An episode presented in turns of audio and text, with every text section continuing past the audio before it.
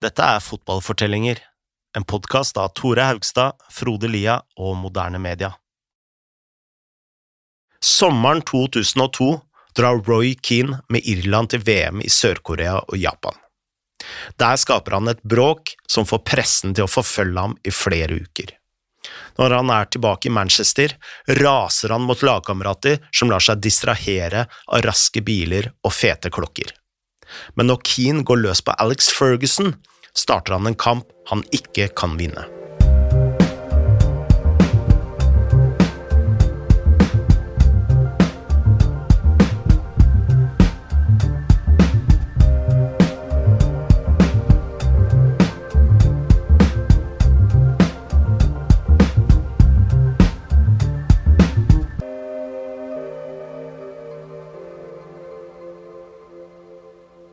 Irland dro til VM i 2002 med store forventninger. De hadde nådd sitt første sluttspill i 1990, da de kom til kvartfinalen i Italia, og i USA i 94 hadde de nådd åttendedelsfinalen. Nå var treneren Mick McCarthy, som Keane hadde spilt sammen med i 94. De hadde Shay Given, Damien Duff, Robbie Keane, Nile Quinn og Keane selv, som var kaptein. Altså et meget sterkt lag til Irland å være, med all respekt. Med all respekt.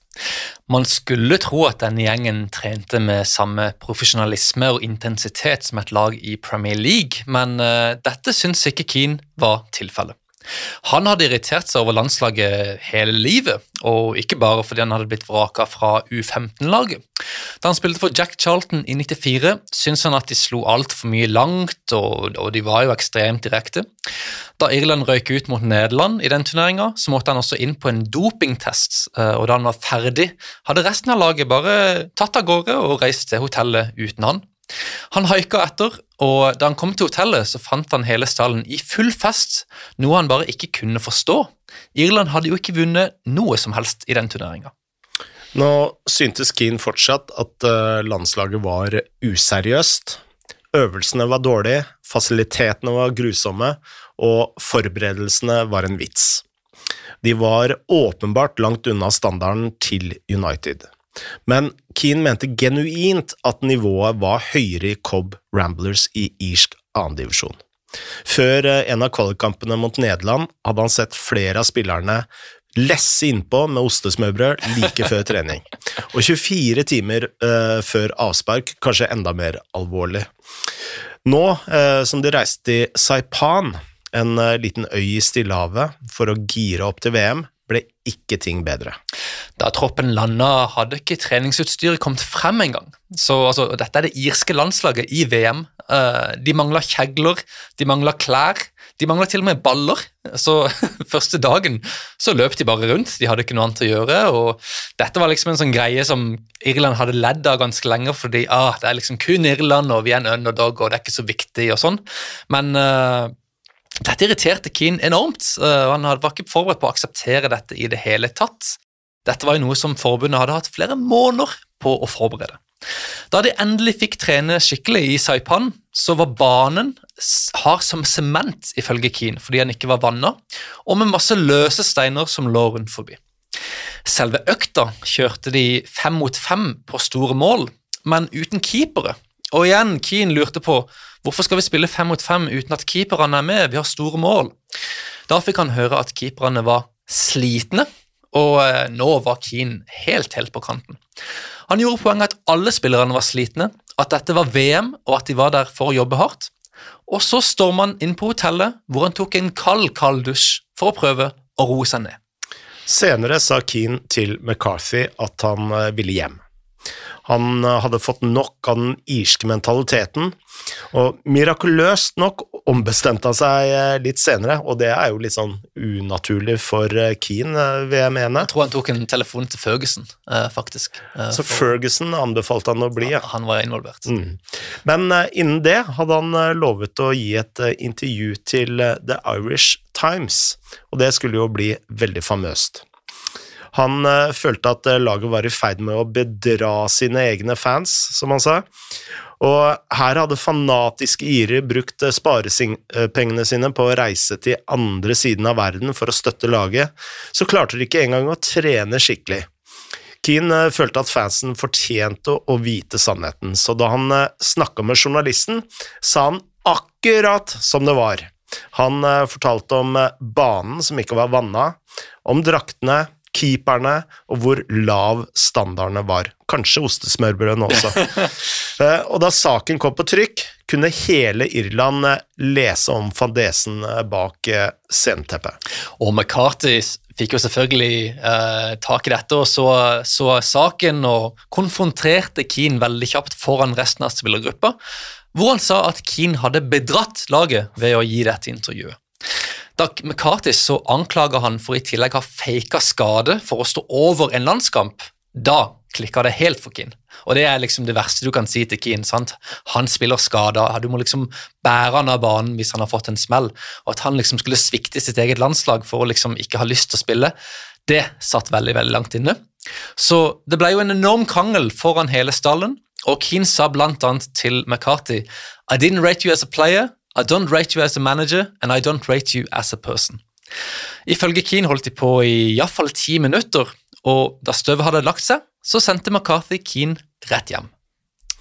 Dette ble jo en nasjonal skandale, og Keane, Irlands kaptein, forlot VM før en ball var sparka.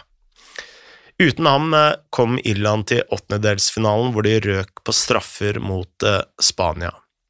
Hjemme ble huset til Keane beleiret av journalister og paparazzi, og jeg husker fortsatt eh, disse videoklippene hvor eh, Keane går i, i postkassa og går tur med hunden ja, ja, ja, med presten på slep. uh, Sarpan-episoden ga senere inspirasjon til en musical i Irland, og har til og med sin egen Wikipedia-artikkel på halvannen tusen ord. Det tok lang tid før livet til Keane ble som normalt. Tilbake i Manchester fortsatte Keane å drømme om en ny Champions League-tittel, og det var jo naturlig. Nå som VM var over, så var dette det aller, aller største han kunne sikte seg inn mot.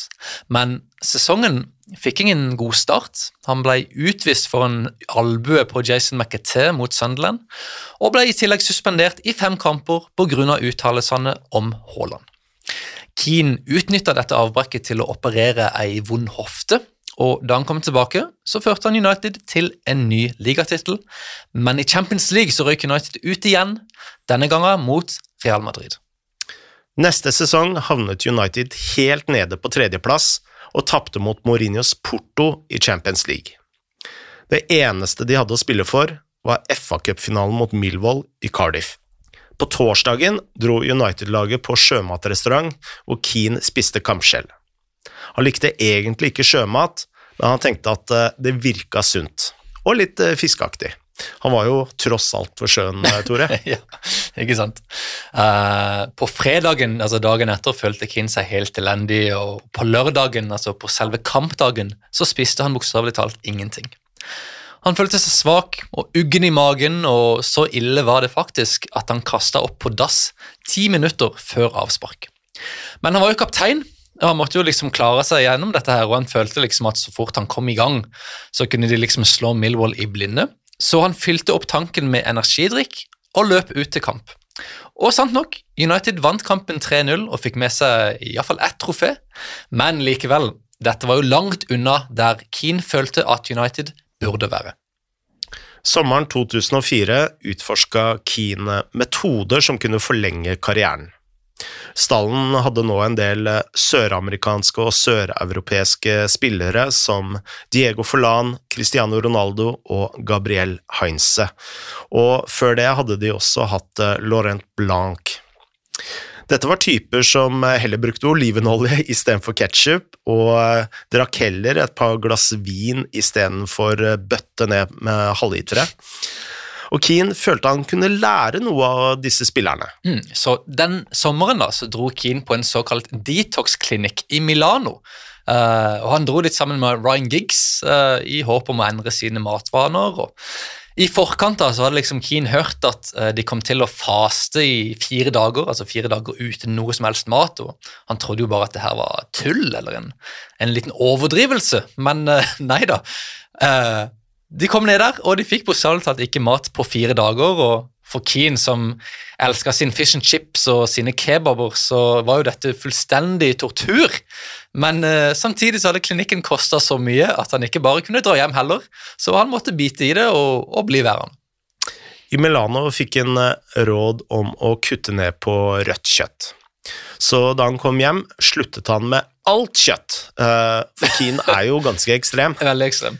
Eh, litt seinere skulle United møte Arsenal, og dette er jo en tid hvor eh, rivaliseringen, særlig mellom han og Patrick Vieira, var på sitt eh, mest intense. Ja, og United lå i tillegg bak i ligaen, og de måtte liksom komme seg frem og, og vinne disse kampene, så Keane ville være med. Men før kampen så kom han seg rett og slett ikke opp av senga. Han var helt uten krefter. Familien var bekymra og ringte til en doktor som, som hasta hen til huset og tok en blodprøve. Og Den viste da at Keane var fullstendig tom for jern. Keane fortalte doktoren at han hadde kutta ut rødt kjøtt, noe som åpenbart eh, løste mysteriet for legen. Han ble i senga i fire dager og gikk glipp av Arsenal-kampen, hvor van Nistelrooy hadde missa på straffe, spillerne hadde slåss i tunnelen, og Seske Fabregas hadde jo kasta den famøse pizzaen i ansiktet på Ferguson. Og som alle kjenner Keane, han hadde jo elska å være med i den fighten der. I stedet fikk han kjeft av mora si, som eh, mente han var altfor tynn, og det er vel eh, omtrent det mest kriminelle anklagen man kan få av sin egen mor. Ja, det er det. Men det kom flere sjanser for Keane, for i februar 2005 så var det igjen duka for United mot Arsenal, denne gangen på gamle, ærverdige Highbury. Og På den tida var det jo nytt med disse kameraene i tunnelen, og som vanlig var Keane litt sånn i sin egen sone før avspark. Plutselig kom Gary Neville til han og sa at noen av Arsenals spillere hadde kommet med trusler mot han i oppvarminga. King ga egentlig blaffen i dette, så han Neville kunne fikse det her sjøl, han var jo ikke en liten gutt, men uh, dette la seg selvfølgelig sånn litt i bakhodet til Keane i løpet av de neste minuttene. Tunnelen på Highbury var veldig trang. Det var nesten umulig å unngå fysisk kontakt.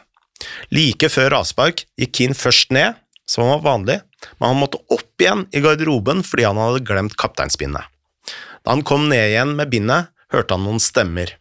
Det var Arsenal som igjen prøvde å skremme lille Gary Neville. Da knuffet Keane seg frem og konfronterte Vieira. Og stakkars dommeren, da, Graham Paul, som prøvde å roe ting ned. Og her skal vi høre et legendarisk lydklipp fra Sky Sports. See up there. Right. Come on, up here. Come on, every weekend. Come on, then. Come on, nice come guy. on, come on, come on.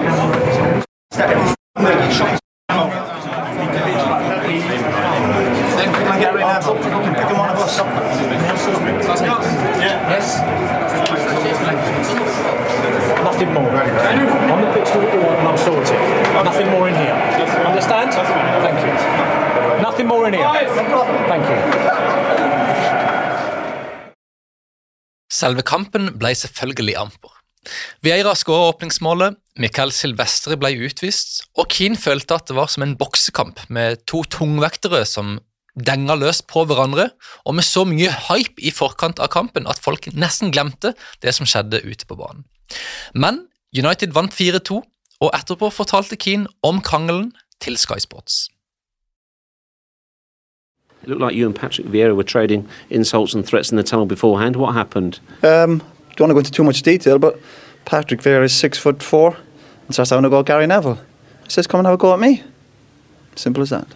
Do you feel battle lines were drawn before you even went on the pitch? Well, if players want to intimidate uh, some of my teammates, then uh, let's have a go at some of the other players. They think Gary Neville's an easy target, but I wasn't having it. Selv om United slo Arsenal, ble sesongen en fiasko. De kom på en ny tredjeplass, 18 poeng bak Chelsea, noe som var fullstendig uhørt for Ferguson. Og neste sesong fløy Chelsea igjen ut av startblokkene. For United var det en overgangsperiode, men som Gary Neville sa, du bruker ikke det ordet rundt Roy Keane. Keane angrep enhver spiller han følte mangla den nødvendige mentaliteten. En gang var han oppe i trynet på van Nistelrooy fordi Rudd hadde gredd håret før han skulle på Manchester United TV. Keane tenkte, hvem i alle dager bryr seg om hvordan de ser ut på håret på Uniteds egen TV-kanal?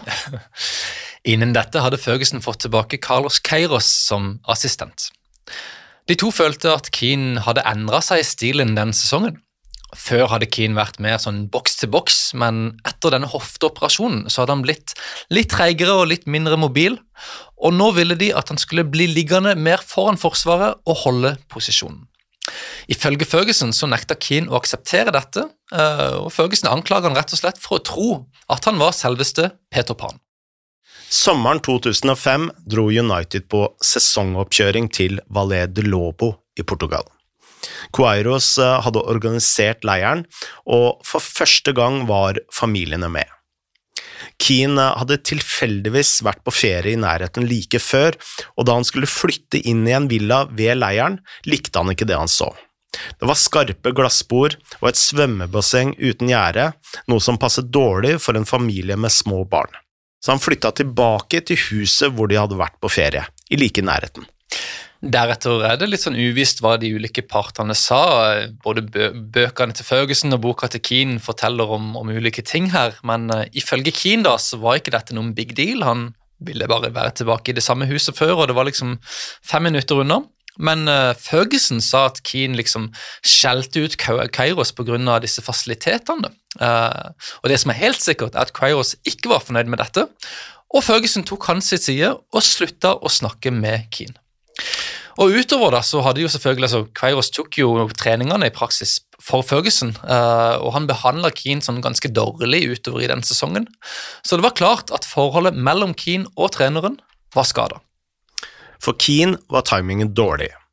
Mot Liverpool ble han stempla av Steven Gerrard og var ute i flere uker. Han var nettopp blitt 34 år, og han var inne i sin siste år av kontrakten. I september hadde han en såkalt Q&A med fansen. En kvinne fra Belfast spurte hvor lenge han kom til å bli i United. Og uh, sånne spørsmål er litt sånn farlig å stille til Keane, for han er van veldig vanskelig å, å, håndtere i sånne, sånne, intervjusituasjoner. Han var jo en av spillerne som journalistene måtte være mest forsiktige med. altså Et steinhardt håndtrykk, konstant øyekontakt og ingen toleranse for dumme spørsmål. Han var også den eneste spilleren i United som uh, ferska journalistene på manerer. Det var f.eks. ikke 'Har du to minutter, Roy?', men 'Har du to minutter, please?' Ingen visste helt hva han tenkte, og ingen visste hva han kom til å si. Den dagen svarte Keane uten et sekunds pause at han ikke forventa å bli tilbudt en ny kontrakt før sesongen var over. Selv om han skulle få et tilbud, ville han takke nei fordi det var altfor seint. Han leita allerede etter nye muligheter. Alle må dra før eller siden, sa Keane. Og dette utspillet sjokkerte United. Uh, det var jo live, og de hadde ikke forventa dette i det hele tatt. Ferguson så det definitivt ikke komme, og avisredaktører over hele landet ble fullstendig tatt på senga. Siden Keane var skada, så ga Ferguson han like godt fri, og han uh, lot han dra bort med familien til Dubai Uh, og Tilfeldigvis da så spilte United samtidig borte mot Middlesbrough. Den kampen tapte de 4-1 med en skrekkelig prestasjon som Keane så fra hotellbaren i Midtøsten. Og Da Keane kom tilbake, var det hans tur til å gi sine meninger om prestasjonen til Manchester United TV. Programmet Keane skulle på, het Play the Pundit. Alle spillerne var innom showet, hvor de skulle gi sine meninger om kampen. Vanligvis eh, var det uskyldige greier. altså Dette er jo tross alt eh, Uniteds egen kanal, hvor det stort sett var positiv spinn på det som hadde skjedd, og, og enkel trivia. Mm. Men sinnet over eh, Uniteds prestasjoner hadde bobla over hos Keane lenge nok nå. Så han fyrte løs en mitraljøse mot sine egne. Mm. Keane sa at det ikke var noen karakter i laget, Uh, I stedet for å kjøpe spillere i januar, så burde United heller kvitte seg med noen spillere. Han sa at bare fordi Rio Ferdinand tjener 120 000 pund i uka, så er han ikke noen superstjerne kun av den grunn. Kieran Richardson, som kjørte Bentley og hadde en diamantklokke, var en lat forsvarer. Keane forsto ikke hvorfor så mange oppe i Skottland skrøt så mye av Darren Fletcher. Van der Sar burde redda det første målet. Alan Smith var fortsatt fortapt på midten, osv., osv., osv. Og det er jo én ting om Keane sier dette nå som pundit, nå som han er lagt opp, men Keane var jo kaptein på dette laget sjøl. Og med det så brøt han jo denne uskrevne regelen i garderoben, nemlig at du aldri skal kaste dine egne lagkamerater under bussen. Da Ferguson fikk eh, vite om videoen, trakk han den eh, fra kanalen umiddelbart. I garderoben før treningen insisterte Keane at han eh, ikke hadde ment å, å, å henge ut medspillerne, men at han kun var ærlig. Så brøt det ut en stor diskusjon om fokus og mentalitet. En time etter at de skulle vært ute på gresset, var de fortsatt i garderoben. Så Keane gikk opp til kontoret til Ferguson for å forklare hvorfor de ennå ikke hadde begynt på økta. Da kom Ferguson sjøl ned, og Keane kunne ane veldig kjapt både på svaret og på ansiktsuttrykket at dette ikke kom til å bli pent. Ferguson spurte Keane om han hadde sagt unnskyld til laget, og Keane sa vel, jeg har vel ikke noe å si unnskyld for? Og Ferguson sa hva med videoen? Jeg syns videoen var helt ok, sa Keane. Da sa Ferguson ok, alle opp på mitt kontor nå. La oss se den han brukte mest sannsynlig fucking, ja. eh, men eh, vi oversetter det til elendige videoen. Eh, og etterpå mente Kid han hadde ikke noe problemer med videoen, men Ferguson var av en annen oppfatning, for han mente det var en stor skam for klubben. Og så sa van der Sar, som bare van der Sar kan si, at Keen Keane kunne kanskje blitt en litt litt annen tone. ja, Så det er liksom Keane bare Helt greit, det er helt greit, ingen som har noen problemer med dette. Og så bare Ja, uh, men du kunne kanskje gjort det her. og så var det jo Queiros sin tur, som, som bare sikkert gnidde seg i hendene her. Mm. Han sa at Keane ikke hadde vist lojalitet mot sine lagkamerater. Og det fikk Keane til å se helt rødt. Keane pekte ut hvordan Queiroz sjøl hadde forlatt United for å trene Real Madrid noen år tidligere, og så kom tilbake, mens Keane sjøl hadde fått tilbud fra Juventus og Bayern, og likevel blitt. Ikke våg å snakke til meg om lojalitet, sa Keane. Keane eh, var jo skikkelig i sonen nå, og både Ferguson og journalistene som dekket United, sier at eh, Keane kommer med den skarpeste kritikken man kan få.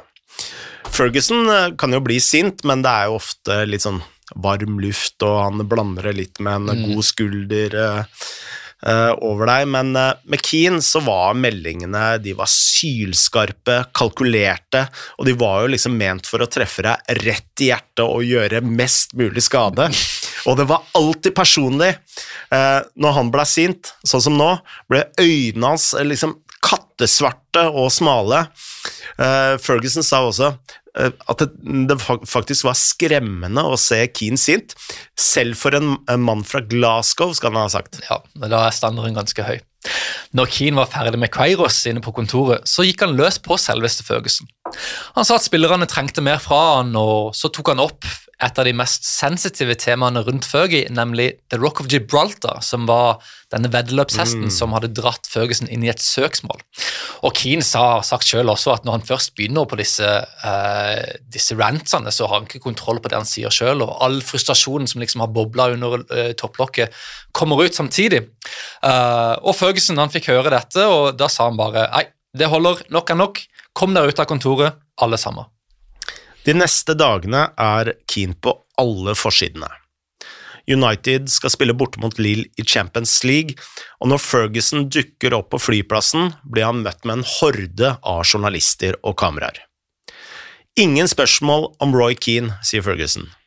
Men eh, en frekk reporter, eller frempå reporter fra Sky Sports, har eh, likevel motet til å trykke en eh, mikrofon under nesa på ham og spørre Sorry, men jeg må bare spørre deg om Keane. Og eh, før han hadde klart å fullføre setningen, så skriker Ferguson og snur seg til journalisten. Du! Du er bannlyst fra denne klubben. Ja. På flyet over til Frankrike er alle i stallen stille. I løpet av kampen roper United-fansen på Kino, Kino, Kino, og vi må jo huske her at dette er en periode hvor Ferguson faktisk sitter utrygt. Mange mener at han bør få sparken, og Keane er fortsatt høyt elska. Og det ble ikke bedre for Ferguson når United taper kampen 1-0. To uker senere møter Ferguson pressen igjen. United har nylig slått Chelsea hjemme, og han er i strålende humør. Han eh, vitser og skrøner med journalistene og sier det ikke er noe nytt om Keane. Så journalistene drar ut, og noen av de kjører ut av feltet for å kjøpe et par sandwicher. En halvtime senere får en av dem en telefon. Roy Keane er ferdig i United. Nyheten kom som et totalt sjokk, selv på de som fulgte United tettest. Ingen hadde forberedt dette, ingen hadde snakka om dette i det hele tatt. Uh, og Senere da så kom det frem hva som hadde skjedd, og at verken Føgesen eller Queiroz hadde snakka med Keane etter krangelen. Da Keane skulle tilbake fra skade, ble han vraka til en reservelagskamp. Han ville vite hvorfor, og fikk høre at han var ferdig i klubben. Han kom ikke engang til å bli der ut sesongen. Uten å ha snakka med noen, satt Keane seg i bilen og kjørte rett ut av anlegget. Så parkerte han i veikanten, stoppet motoren og begynte å gråte. Keane forlot Manchester United i november 2005. David Moyes ville ha han til Everton, Big Sam ville ha han til Bolton, og selveste Real Madrid tilbød han faktisk en kontrakt på 18 måneder som virka utrolig sjenerøst for en skadeplaga 34-åring. Men Keane han var litt sånn redd for utlandet og at ting kunne gå galt i Spania, og, og han sa nei, noe han senere skulle angre veldig på. I stedet så dro han til Celtic, en klubb han var veldig glad i, spesielt som en katolsk ire. Det ble ikke noe drømmeopphold for eh, Keane. Hans første kamp var et tap borti borte i tredje runde av cupen mot Clyde, etter kampen så han at han ikke engang hadde klart å ta seg eh, merkelappen eh, bak på trøya, eh, bare for å gjøre det ekstra ydmykende. Da han kom på bussen, jo, det første han så da, var John Hartson, altså den gamle legenden fra annet Wimbledon, som satt der og bøtta nedpå med brus og en pose chips. Og da sa Keane til seg selv, velkommen til et sant helvete. Keane sleit også enormt med hofta nå. Han uh, tok smertestillende før hver kamp, og da sommeren kom og sesongen var over, så skjønte han at dette var over. Han la opp i en alder av 34 år, og han visste jo da at ingenting kom, kom til å bli like bra som å kunne spille. Han visste også at han kom til å savne dette veldig. Hva i alle dager skulle han gjøre nå? De neste månedene reiste Keane mye, og gjorde et par eh, ting for eh, veldedighet. En dag fikk han telefon fra Sunderland, hvor Nile Quinn var frontfiguren for en gruppe investorer. Sunderland hadde nettopp rukket ned fra Premier League, og da ingen hadde ønsket å ta trenerjobben, tok Quinn den selv. Det hadde endt med fire tap på fire kamper, og nå ville Quinn ha inn sin tidligere lagkamerat i sjefsstolen. Keane møtte eierne i Dublin, men han var ikke helt overbevist over det de sa, og, og takka nei. Så han dro heller på ferie til Portugal i august, hvor han så på TV at Sunderland hadde klart å tape 2-0 mot Bury i ligacupen, og dette var et Bury-lag som lå i bunnen av league 2. Stakkars Queen måtte inn foran kameraene og forklare dette, denne prestasjonen. og han, han, var ikke akkurat høy i hatten, og det var et, et, et fælt skue hvis du var glad i, i Queen og Sunderland. Da fikk Keane en tekstmelding fra søsteren. Hun skrev så du Nile Quinn? Du må hjelpe den stakkaren. Keane ringte ham opp og sa han hadde ombestemt seg. Han ville ha jobben likevel.